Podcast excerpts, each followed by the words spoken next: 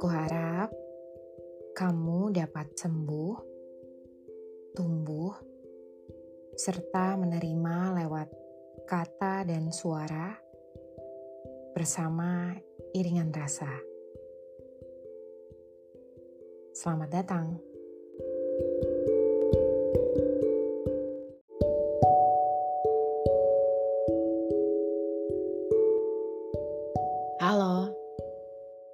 pernah nggak merasa doa kamu nggak kunjung terwujud?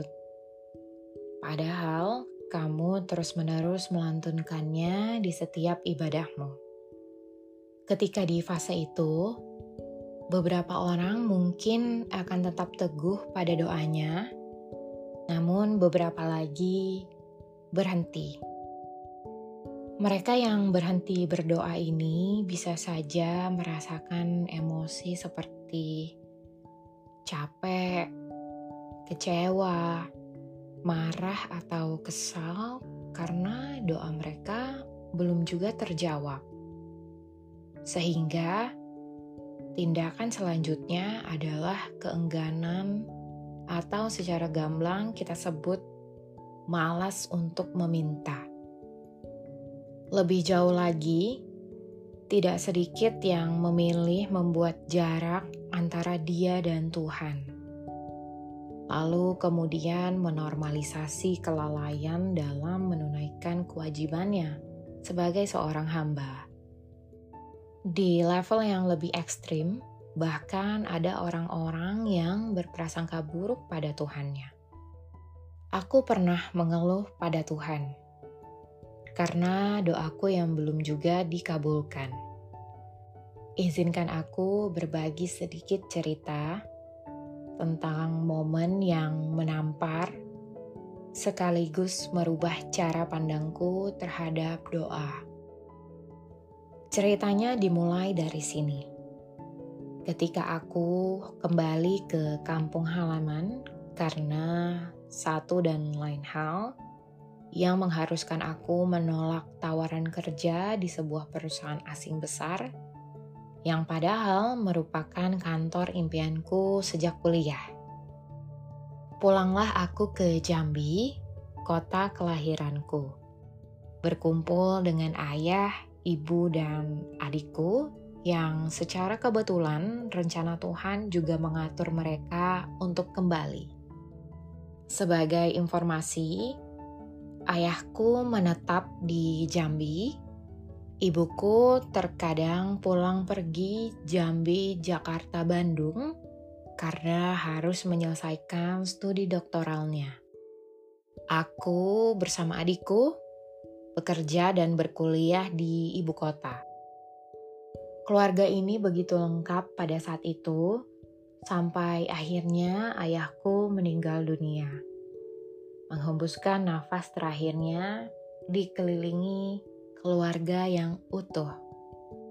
Beberapa saat sebelum pergi, bahkan ayahku sempat bergurau, menyuil hidungku, menggoda Umi dan adikku sambil minta diambilkan tasbih dan berkata ia ingin istirahat sembari menidurkan badannya miring menghadap ke kanan. Momen itu menjadi kebersamaan terakhir kami. Beliau menghembuskan nafas terakhirnya. Aku ingin kasih tahu kamu bahwa ternyata doa kita yang belum terkabul itu adalah bentuk kasih sayang Allah, Tuhanmu. Sebelumnya, aku berkali-kali menyesali keputusan yang melepaskan pekerjaan tersebut dan terus-menerus berdoa, memohon, merengek agar segera diberi pekerjaan pengganti. Tapi di balik itu semua, Dia yang Maha Kuasa punya pandangan berbeda terhadap hidupku. Ternyata Allah belum mengabulkan doaku karena ia ingin aku mendapat kenangan terindah bersama Abi. Ia ingin abiku pergi dengan senyum. Dengan skenario-nya, kami yang tinggal berjauhan dibuat dekat. Yang mutlak adalah Tuhan mengetahui apa-apa yang terbaik untuk kamu. Gak bisa dibayangkan bagaimana caraku menghadapi duka kalau saja Tuhan mengabulkan doaku. Berada di sampingnya dan menyaksikan kepergiannya yang tenang saja cukup membuatku sengsara. Apalagi kalau aku tidak ada di sampingnya pada saat ia pergi. Pasti begitu terpuruknya aku. Aku harap kamu mendapat pesannya bahwa tertundanya doamu adalah salah satu nikmat Tuhan.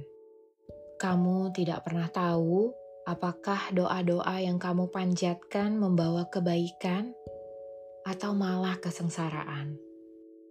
Seperti aku, kala itu nyatanya aku diselamatkan dari keterpurukan. Bila menyangkut doa, banyak orang ingin doanya diwujudkan.